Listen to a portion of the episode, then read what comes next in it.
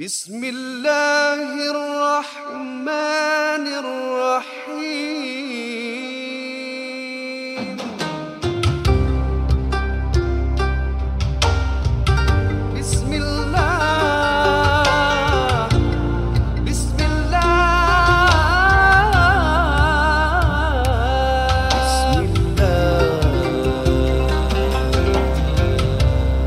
Assalamualaikum warahmatullahi wabarakatuh. Saya Mawa Beduri, host anda biasalah. Okay, Mawa dengan Ustazah Syamin Sultana. Okay, sebelum Mawa mulakan, okay, kami, uh, podcast kami ini dibawakan khas oleh NJU Ajwa.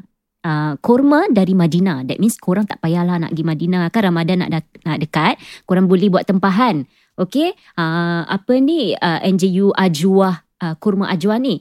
Okay, tujuh biji sehari untuk kesihatan tubuh badan. Sihat tau kalau makan kurma ni. Dan pastinya, okay, kurma ajwa ini akan menjadi pilihan anda setiap masa setelah anda memakannya. Confirm sedap you all. Okay. Ustazah jangan lupa buat tempahan tau. Okey, Ah, nanti lepas okey. ni I buat. Mm-mm. Sekarang juga I buat. sekarang, juga buat. Okay, korang semua pergi ke www.nju.sg untuk buat tempahan. Okay. Okay, sebelum kita mulakan, Ustazah silakan. Okay, On- on to the show. Alright.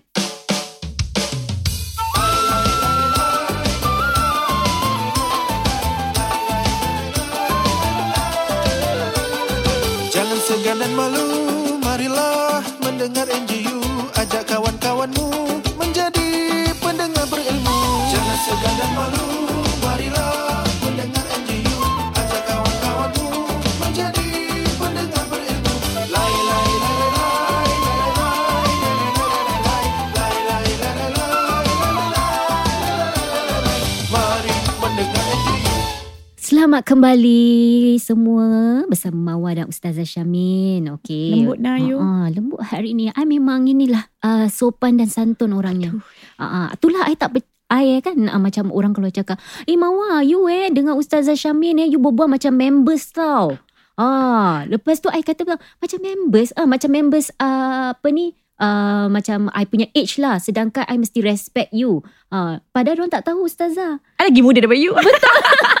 Korang tahu tak I ni lebih berumur dari Ustazah Macam mana pula I boleh kurang hajar dengan Ustazah In fact Alamak, kita Ah. members kan Mawa? Betul Ah, lah. Kita having okey. fun dekat sini Itulah. uh, Korang sensitif sangat lah Betul lah kan uh, Habis ada pula tu yang kata Eh uh, Mawa uh, Apa ni uh, You uh, topik serius eh You jangan main-main lagu sangat tau uh, uh, Macam tak kena dengan ni Tapi bila I pula tak main uh, Tak main uh, Apa tu Lagu-lagu Ada pula message Ustazah Apa sah you tak Perform macam You first time dekat podcast Oh. Ah, I suka lah you macam dengan ustazah gurau-gurau enjoy-enjoy gitu. I suka. Dah gitu pula. Aku pening lah dengan korang. Korang sebenarnya nak apa? Alah, kita kita Ah, ah. gitulah kadang serius, Ah, ah. kadang-kadang terlupa lagu, Ah, ah, kadang betul. terni. Tapi we are ourselves, right? Ya. Yeah, we just be us. Macam mau yes. kata lah, apa yang you dapat this is just me. Mungkin ada yang uh, boleh terima, ada yang tak boleh terima. Tapi uh, sebenarnya bukanlah mawa nak nak kasih kurang menyampah ke bingit. But this is just me. Okay, anyway, I dengan Ustazah sini actually we both having so much fun. Yeah. Ah, so I hope eh uh, apa ni uh, di podcast ini juga uh, Mawar dan Ustazah dapatlah juga entertain you all sambil uh, apa ni kita kongsi uh, you know masalah-masalah anda-anda semua di uh, udara podcast ni. Okay, Hmm. janganlah kurang kurang uh, apa ni sensitif sangat ni uh, puasa dah nak dekat. Kita minta maaf antara satu sama lain. Bukan raya je minta maaf. Ah, dia tak payah raya Ustazah Tak payah Betul. tunggu raya pun kita kena minta maaf Betul Bagus eh saya Betul, bagus. Ustazah Mawar berduri. Okay Ustazah I nak tanya you Masa you dulu dekat um, uh, You kata you pergi mana um, uh, Mana? Australia eh I pergi Australia. New Zealand eh New Zealand. Ah, Ah. dia pergi di luar negeri lah kan. Ah. Uh, masa you kat sana tu senang tak you nak dengar azan ni semua atau you kena ikut uh, apa ni cara uh, nak solat tu ikut uh, uh, timing Singapore macam mana? I ikut uh, bukan bukan ikut timing Singapore. I ikut timing New Zealand. Ah, So kena I ikut pergi dah 12 tahun yang lalu kan. Jadi ada apa macam online kita boleh Mm-mm. dapat lah New Zealand punya macam Mm-mm. timing, dia punya azan pukul, uh, pukul berapa, pukul berapa kan dia punya waktu. Jadi kita ikut waktu New Zealand. Jadi kalau kita kat New Zealand kita ikut waktu New Zealand. lah. Uh, tapi orang ada tak uh, dengar I tak dengar. Tak ada kan? I tak ada. I tak dengar pun kat sana Ah, dekat mana-mana. Lepas tu I pun tak sempat ni. nak pergi masjid-masjid. Kita tengah honeymoon. Oh tak dapat pergi menziarahi masjid-masjid di I New tak Zealand. ziarah. I macam kita drive sendiri. Jadi from North Island to South Island dah tak sempat nak pergi masjid-masjid sebab ada kita tak ada kereta pun. Ah, ah, ah. So uh, memang kelang kabut lah dua minggu Ah. tu. Jadi Tapi tak kalau nak sempat. solat tu macam mana on you travel tu? You just agak-agak lah. Uh, apa ni? Ah, ya kita ada kampus, kita Ah, try and semua online dah dapat lah macam uh, macam kita tengok um, mana kita punya kiblat. Mm-mm. I pernah solat de- tepi pantai tau. Kita ah. stop tepi pantai. Our car really go beside the beach. There's no one and kita Mm-mm. solat kat tepi pantai. I ambil wuduk dengan air laut. Sebab tak ada ah, air. ah. Time tu tengah macam eh, ilmu fikir aku berguna sih. Lepas tu dah ambil wuduk kita solat dekat tepi pantai lah. Then uh, my husband dia tengok matahari. Kadang kita tengok matahari. Mm-mm. Tengok matahari kita dah tahu mana, mana kiblat and Ah, all that right. Uh, so yeah. memang dia biasa sebab dia dia orang pergi NS kan. Ah, Uh. I memang tak, baik- tak tak tak pandai tapi dia pandai dan kita uh, ikutlah kiblat Ikut mana kita ah. uh, fikir kiblat dan kita solat. Ah, kerana apa Mm. pasal pendengar kita ni Ustazah dia daripada Sweden. Oh, Ah, dia kata salam from Sweden. Waalaikumsalam. Oh, Waalaikumsalam. Nak, Jauh nak, nak, nak jawab salam Sweden ni macam mana? Uh, I don't know. I, I cannot talk. Oh, you, uh, you just talk like Ah. okay. Uh, I can, um, Waalaikumsalam I can warahmatullahi only. Singlish. Are you only Singlish? Ah, I very good in Singlish. Okay. Ah, okay. So dia pu- kenapa dia tanya gitu cakap ustazah dia memang ni dah lama uh, ustazah tak Mm-mm. solat. Hmm. Ah, eh, ah, apa ni dan uh, dia tak confident lah. Lagipun uh, ustazah dia Mm. dulu make a lot of mistake eh, Mm. since during the younger days. Mm-mm. Okay, saya belum lagi mula nak sembahyang sampai ke hari ni. Tetapi saya selalu berdoa dan membuat niat kepada Allah Subhanahu Taala bahawa eh buat keluarga saya dan teman-teman saya. Okay, that means dia tak solat tapi dia selalu doa. Mm-mm. Okay, and dia uh, apa ni uh, salahkah dia kalau dia mendengar azan di radio pad, uh, radio warna walaupun dia di uh, di di uh, Sweden eh Mm-mm. dia dengar radio uh, tiap hari even though uh, dia dekat Sweden Mm. untuk nak dengar azan aja tapi dia belum solat lagi. Masya Allah. Dia nak dengar azan je. Ha. Tu buat hati dia tenang. Allahu Akbar. Ah. Silakan awak nak dengar radio warna ke, awak nak dengar uh, Masjidil Haram punya Mm-mm. live ke. Mm-mm. Kalau awak nak dengar azan dia, silakan tak ada masalah. You can Mm. hear the azan from anywhere. Tak ada masalah. There's no hukum macam kita tak boleh dengar azan daripada another country. Macam kita lah. Mm-mm. Macam kita on live Makkah dengan Mm-mm. Madinah kan. Mm-mm. Sekarang kita dapat dengar azan daripada sana. Tak ada masalah. Mm-mm. Boleh. Mm-mm. Pasal Mm-mm. dia belum ni tapi Tapi kalau dia nak Ah. solat, dia nak kena ikut sana punya timing lah. timing Dia lah. tak boleh ikut warna. Eh dah Zohor, lepas tu dia nak solat Zohor dekat Sweden. Tak boleh. Ah, ah. Dia kena ikut Sweden punya Timing timing. lah. Ah, dia Ah, punya ah. ni. Macam kita kat aeroplane pun sama. Kita nak solat, kita Mm-mm. ikut kat mana kita. ya, ya, Dekat ya. atas, kat bawah ni mana? Kat, kat bawah ni India. Okay, fine. Kita ikut India punya timing. Kita ikut Dubai punya timing Mm-mm. gitu. Ha, dia tak boleh lah nak dengar radio Singapore tapi dia dekat Sweden dia ikut uh, solat uh, ikut timing Singapore memang tak boleh lah. Yes, tak boleh. Ya, lebih lagi satu dia tanya Ustazah, uh, will my doa be accepted by Allah because I do not pray? I selalu dengar orang kata kalau kita tidak bersembahyang, it's pointless for us to make doa because Allah will never accept our doa. Ah, itu orang-orang itu yang cakap selalu akan cakap itu adalah hasutan syaitan. Syaitan dia nak fikir kita fikir apa tahu? Engkau tak solat, Mm-mm. engkau tak macam kau tak buat apa Allah suruh. Lepas tu kau kau solat eh lepas tu kau nak doa. Mm-mm. Kau rasa Allah dengan kau tak? Ha, ni syaitan kan bilang kita macam Ah. gitu kan. Dan syaitan ni was-was syaitan datang daripada jin dengan manusia juga. Manusia kan kadang-kadang bilang kita macam gitu kan. Ah. Kau rasa Allah nak tu macam-macam last week kita cakap kan. Ah. Kau tunggak-tunggik yang Ah, is, ah, lepas tu kau ingat Apa guna kau apa doa guna ni semua? ah, kau doa ah. semua. Kau ingat Allah terima? dengar. Ah, kau Ah, ingat ah. tu. Ah, ya. Suka you drama-drama ni Ah, semua. I eh. suka drama swasta. Itulah. Tapi sebenarnya Allah kata, ujibu da'wat da'i idza da'an. Surah Al-Baqarah ayat 186 Allah kata, I hear and I will answer anybody who make doa to me. Mm-mm. Ha, you Sweden kan cakap orang putih lah sikit. Ha. Ah. Okay, you Java, Java. anyone. Oh tak eh. Ah. Itu French eh. Apa you Java, Java? Java. Apa you dari France? So, you pergi dari France you buat. French fries. Ah. So jadi apa siapa pun you, even you you are non-Muslim, Allah Ha. dengar tau apa you cakap. Sebab Allah Allah is the one who created you. Hmm. Allah knows and Allah is going to answer you. Ya. So apa pun uh, apa tu uh, tak tahulah adik ke kakak sekat sana kan kalau you you are from you are far you are alone you doa to Allah Mm-mm. you ask Allah to bukakan hati you you ask Allah for ni Allah akan dengar Allah akan dengar so never give up on that Never give up on that. Mana mana tahu satu hari you know you feel like your doa macam bila kita doa kadang-kadang kita rasa macam Allah tak dengar. Betul. Macam kita solat juga. Say Ha-ha. kita menguap lah, terlalu boring lah. Padahal Ha-ha. Allah Allah tengah tengok kita. Ha-ha. Itu namanya takwa. Takwa tu God consciousness. You are conscious that God is watching you. Mm-mm. Uh, bila you doa pun, you are conscious that Allah is listening to you. Mm-mm. Udu'uni astajib lakum. Allah kata, you call out to me, I will definitely answer you. It's a definite thing. Mm-mm. Jadi kita percaya pada Allah lah. Balik pada rukun iman kita. Yang pertama, percaya pada Allah. Iaitu percaya apa Allah cakap. Mm-mm. Allah cakap, aku akan jawab. Aku akan jawab lah. Uh, jangan ada doubts yang Allah tak pernah jawab. Ataupun Allah tak pernah dengar doa kita. Hmm. Ah, Tapi jadi Allah kabulkan lah. dengan yang lebih baik. Jadi yang pada kat Sweden tu insyaAllah. Continue to doa. Doakan I juga. Uh, doakan kita juga Doakan kat kita- sini kita kita, pun juga. doakan you sis kat sana semoga Mm. uh, apa ni Allah Taala permudahkan segala urusan Betul. you. Allah mudahkan. Ah. Allah bukakan hati Bukakan you. hati. Eh, InsyaAllah Ah. nanti kita dapat solat. Mm-mm. InsyaAllah. InsyaAllah. Hmm. Okay. And lagi satu dia last question is, dosa ke saya kalau saya ba- baca Bismillahirrahmanirrahim tiap kali saya makan makanan yang belum tahu halal ke tidak seperti uh, french fries, cheeseburger and etc. Kadang-kadang lapar sangat Ustazah. Kata, Aduh. Itu gimana sih?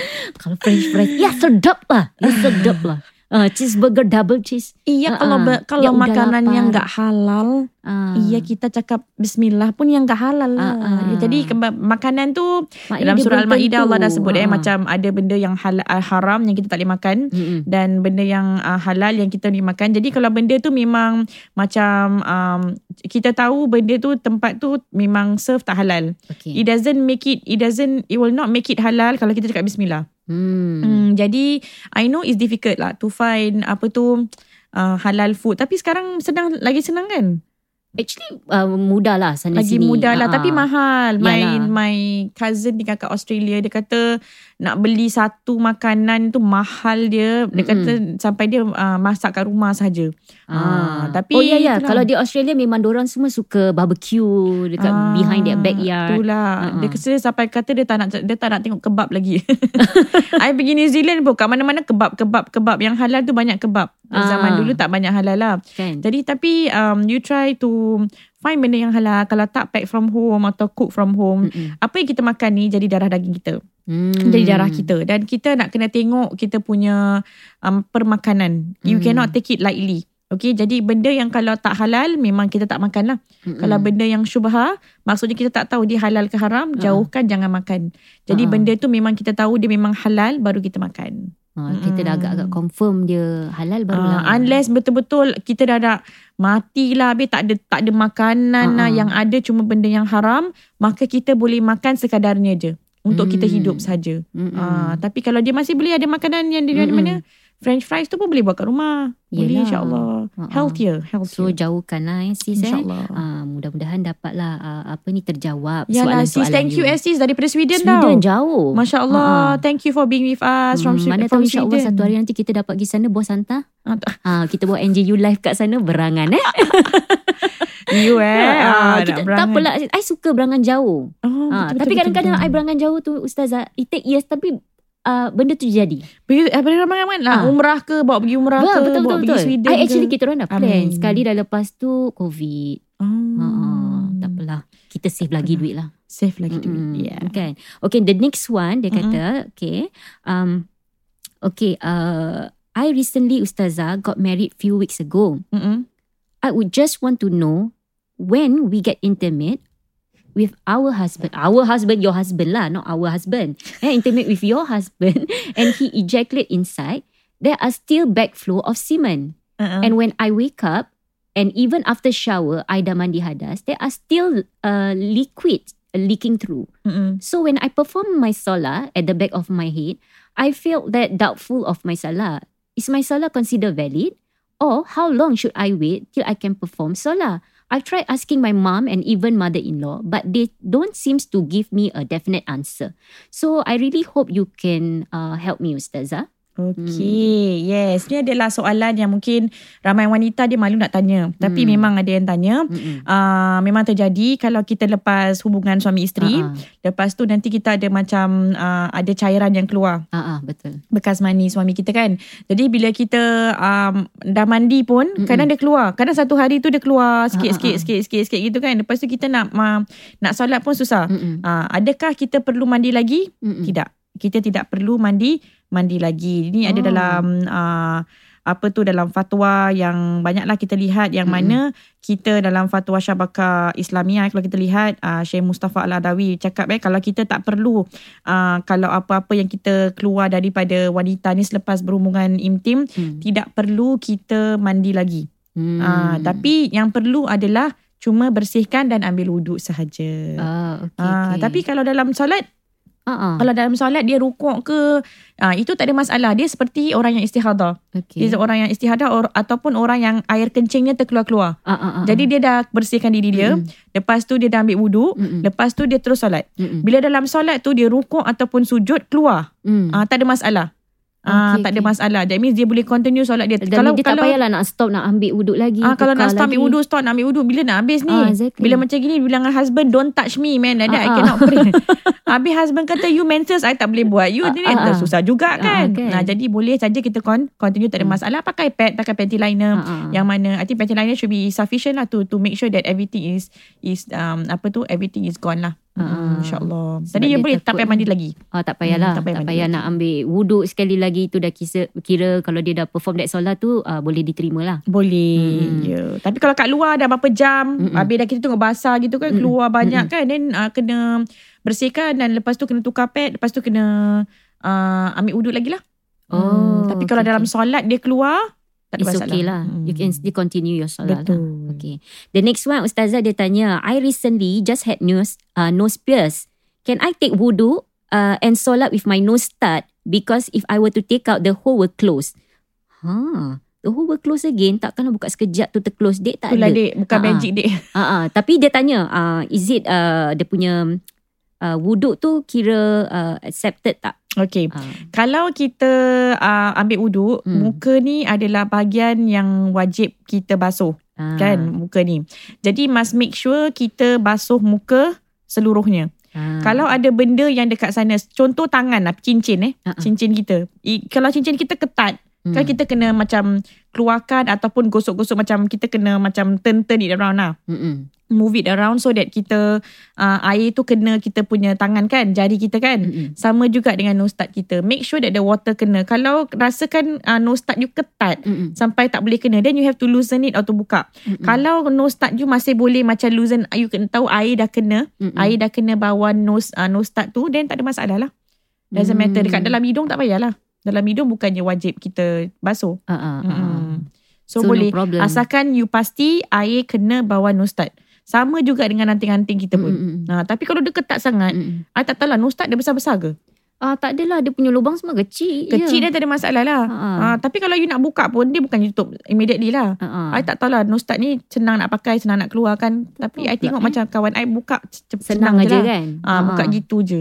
Ah. Tak pernah lah ni tengok orang uh, ada touch tu uh, kadang-kadang saya dia kalau uh, apa ni sneeze dia punya ni terkeluar sini Kenapa pula you ingat kartun ni nak terkeluar sana? Ah, I suka imagine yang merepek-merepek kan. Ni kalau sekali dia hacem ni dia ni keluar sana sini tak? Itulah. I rasa I pula tak boleh pakai tau. Kerana I rasa I tak boleh sebab minum air sensitif sikit. Ah. Kalau kena benda ni kan, nanti I start you to sneeze. pagi-pagi ada sinus tak? I tak ada. Oh, okay, Tapi okay. dulu adalah tapi sekarang tak ada. Tapi macam janganlah you sentuh Ah, ah, dengan kadang-kadang sentuh budak-budak anak-anak Ah, I pump gitu kan. Dia orang suka hit Ah, butt ah. gitu kan. Ah, Cara tak sengaja lah terentak. Ah, ah. terentak. I Jadi kalau boleh pagi-pagi always sinus. Itulah boleh je tapi make sure you punya nose start dengan cover lah jangan ketat-ketat. janganlah. Jadi Mm-mm. boleh lah membolehkan dek uh, untuk Mm. nak ambil uh, solat dan uh, di apa ni? Apa Kira ambil you boleh. solat? Eh, dibolehkan ambil wuduk dan uh, sah solatnya. Mm-mm. Okay. Uh, okay, another satu ni dia tanya Ustazah. Another satu. Ah, another satu. Okay. Uh, saya nak tanya uh, seorang perempuan yang tinggal dengan mertua Ustazah. Mm-mm. Kerja rumah, kerja dapur dan kadang-kadang bil pun saya kena bayar. Hmm. Pasal suami selalu kata tak cukup duit. Padahal dia pun bekerja. Dan gaji dia lebih dari saya. Patutkah saya kena bagi mentua saya duit uh, wang atau masih bayar bil sedangkan suami kerja dan selalu cakap tak ada duit lah, tak ada duit lah. Apa boleh, apa boleh tak saya uh, sengaja tak tak nak bayar bil tapi bagi duit wang ringgit tu dekat mentua saya. Sedangkan saya bagi ayah kandung saya juga. Itu semua bukan tanggungjawab saya. Salah tak kalau saya buat bodoh je ustazah? Saya cuma beli barang dapur je. Hmm. Ah, baru teringat. Kalau Mama fikir Ah, ah. itu maksudnya Mama marah tau. Ah, tak adalah. Dia saja nak efek-efek. Eh, Ah. ah, okay. So ah, macam mana semua Ni macam macam macam familiar macam Ah. Lasik punya juga macam apa um, uh, mana yang suami dia tak nak apa keluarkan duit Ah, ah, nafkah, duit dan nafkah. yang isteri yang uh, ter, uh, terpaksa lah keluarkan duit nafkah. Ah, ah. Cuma this time round dia isteri pun nak kena Ah, bayarkan kasih untuk mak mentua juga. mak mertua Ah, dengan bapa mertua tua juga duit. Aduh. Semuanya dia nak tanggung. Eh, buat apa dia kahwin gitu? Ah, tu dia. Ambil Ah, kurang lah. marah dah mak. Ah, bawa Ah, kalau bawa gitu je. Ah. Itu nak bawa balik rumah. Itulah nak Kalau I marah dengan anak je I tank. Ah. Ah, gitu. Kalau you Kalau marah. kalau kalau marah dengan husband pun eh bucit eh. Ah, kepala marah husband you. Eh, Terus ah, Sayang. ini ya kalau suami tengah eh, isteri tengah marah suami terus Ah, oh terus. man Sayang. I'm in hot soup. Boleh tak? You ah gitu. Apalah korang ni? Ah, okey Ah. ustazah. Macam mana? Semuanya dia nak bayar. Habis lelaki tu buat apa? Itulah. Hmm. Kalau you kata tadi you nak buat bodoh, kalau people is making use of you, kita ni eh, one of the thing is that people think being a Muslim, ah. kita kena let uh, macam semua sabar, diam, diam, diam. Mm, mm, mm. Uh, lepas tu tak cakap apa-apa. No, we have a limit. Ah. we cannot allow people to step over us macam trample us macam bully us tau Mm, mm, mm. ah Islam tak suruh kita kena bully Ya. okay kadang-kadang orang tengok dia kata tapi ah, tengok eh Rasulullah SAW ah, dia macam bila orang apa tu ah, bully dia Mm, kan bully tu itu adalah Rasul SAW kita memang ikut contoh Rasulullah SAW Ya. tapi there is a line you cannot allow people to bully you. We are human. We cannot Mm. allow because it was it's going to affect your mental Mm, mm. health and all that. Mm, mm. So macam kalau you rasa your husband is bullying you, ya. Making use of you, your mak mertua making use of you, your bapak mertua making use of Mm-mm. you, you yang kena kerja, you yang kena kasih Mm-mm. semuanya, then that means they are not respecting you. They are not they are not supposed to even pay for them. Your husband is supposed to do everything. Rasanya macam dia kahwin kat family tu macam apa tau. Uh, uh, apa ni, dia ditugaskan tanggungjawab tu semua di atas bahu dia. Betul. Ha. Ada yang kahwin sebab isteri tu gaji dia lebih. Ah. Jadi ah tak apa isteri aku tanggung lah. ya. Mak mak mak aku, bapa aku semua isteri aku tanggung lah semua isteri aku bayar lah. Mm-mm. Ah this is not right. Mm-mm. Okay. That's why daripada awal perkahwinan tu sebelum kita kahwin pun nak kena be very very sure. Hmm. That's why I said okay, suami kasih nafkah. Walaupun tak mampu awal-awal tu kasih 50 dolar ke pun boleh. Mm-mm. 100 Ikut kemampuan lah. Saya Ikut rasa kemampuan. sebagai isteri kan semua isteri kalau dia sendiri tahu suami dia tu pendapatan dia tak banyak. I think orang pun okey, orang akan sikit lebih kurang. Hmm. Janganlah sampai ada isteri, uh, ada suami tu eh saya ada ada kenalan where uh, suami tak nak share langsung gaji berapa. Ha, ada Ah, juga. Ah ada. Sebab dia takut. Ah, jadi Hmm. susah susah dia nak budgetkan apa yang di, uh, harus didulukan, apa yang tidak harus didulukan. Ah, Betul. Ya. Tapi kan um, para suami di luar, kalau anda ingin tahu kan, wanita ni dia sebenarnya adalah a very good finance finance manager tau. Ya. We betul. actually can manage our finance quite well. Ya. Ah, tak I tahulah. agree.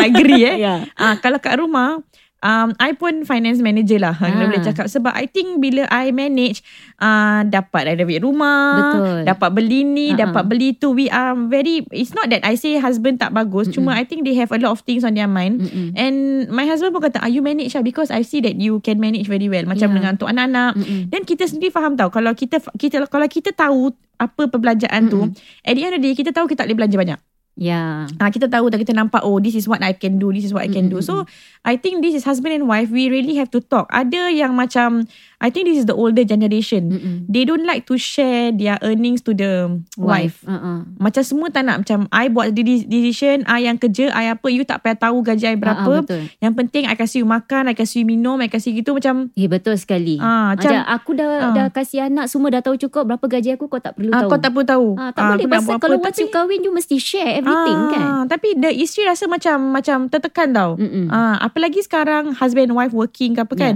You have to share your budget plan. Mm. And then apa kasih nafkah walaupun isteri mungkin gaji lebih. Mm-mm. Kasih kasih nafkah. Your your isteri don't have to support you. Your Mm. isteri don't have to support your your your your parents. Mm-mm. Kalau you suruh your isteri support, lepas tu you tak tanggungjawab Mm-mm. dan you tak nak kerja, you Mm. semua bukan isteri, then what kind of man are you? Exactly. Seriously, kalau tapi kalau you memang you have already work hard Mm-mm. and then you ask your your your, your wife for help lah. Mm-mm. Kita tolong sama-sama. Boleh tak?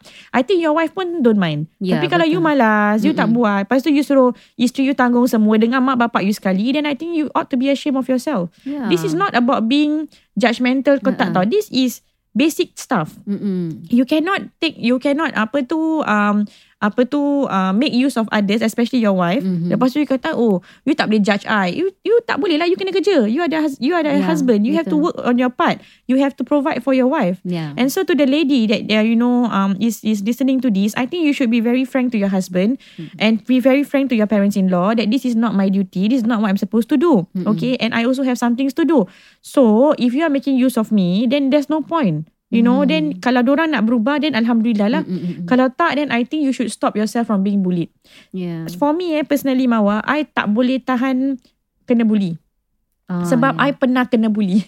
Kita Ah, pun. so I tak I tak boleh cakap no tau. Ah. I'm as a person dulu I tak boleh cakap no. Ah, ah. Lepas tu macam cuma yes yes yes yes yes. Yeah. Then I realise that people make use of me. Mm-mm. Ah, then I dah banyak dah come. kena make use. Ah, Itulah. Then I come up. I told myself I must have a batas, a, a boundary Ah, tau. I if I cannot and I should not do it, I will say no to you. But sometimes kan Ustazah Funny Mm. you said that Because I pun dulu orang ke- akan cakap tau Mawar kau kena tegas Kau tak boleh semua segini, Engkau macam gitu macam Mm. ni But I was I'm built like this You get what I Mm. mean Macam I ni macam tak sampai hati I kalau Mm-mm. tengok orang ni I nak nak tolong I Mm. you know I trust people But I always end up kena Mm-mm. So bila orang cakap dengan, Macam cakap dengan you eh Oh you tak boleh You nak mesti Kena tegas Mm-mm. You kena pan- pandai say no Mm.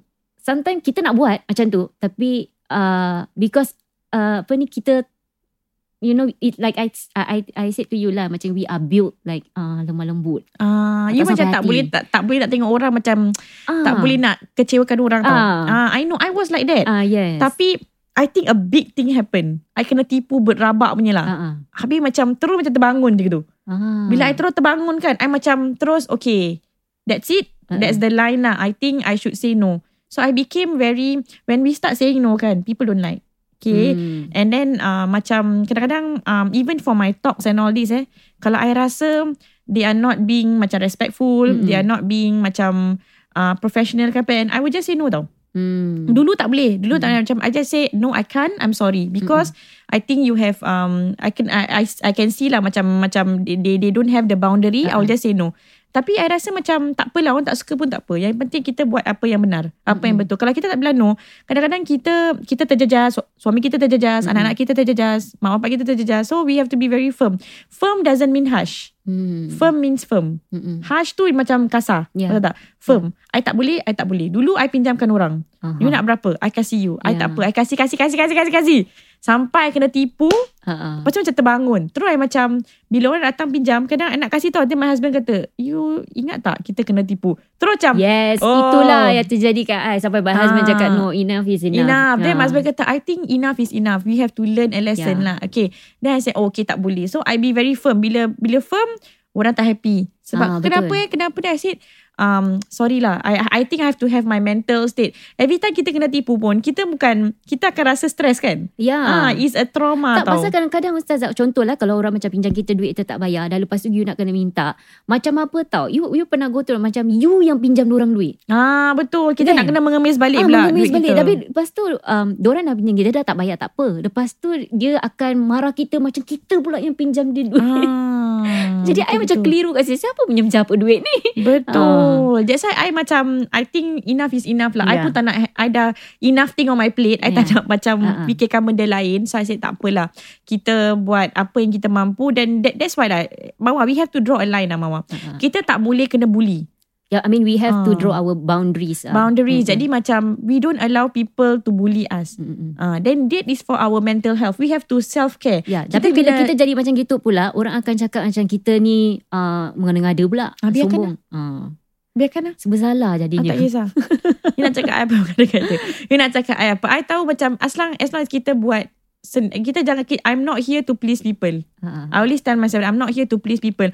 Kalau I nak pleasekan orang ya Allah I rasa susah sangat. Betul. Okay, I say I'm here to please Allah. Asalkan I buat apa yang betul, priority I betul, I know what I'm doing, I'm firm. And I feel that I'm happier this way tau. Uh-uh. Macam I buat, orang tak faham kenapa I buat, priority I lain. Mm-mm. Ah, tapi I faham. Mm-mm. Suami I faham. Kita faham dah, kita jalan terus dah. Tak Mm. payah. You drive kereta kan? You nak turn right, turn left, you nak apa change lane. You nak kena bilang orang lain tak I change lane I change You signal You change yourself lah Yeah. Sendiri signal Yeah. Macam gitu Kita buat decision sendiri Orang tak faham kenapa kita buat. Kadang-kadang kita break kat depan Orang kat belakang menyumpah gitu Apa ni break break Ah, ah, ah. Padahal kat dekat depan, Depan, tu ya. ada grab driver dekat wheelchair Ah, ah. ke ada apa tengah nak Mm-mm. cross banyak kali.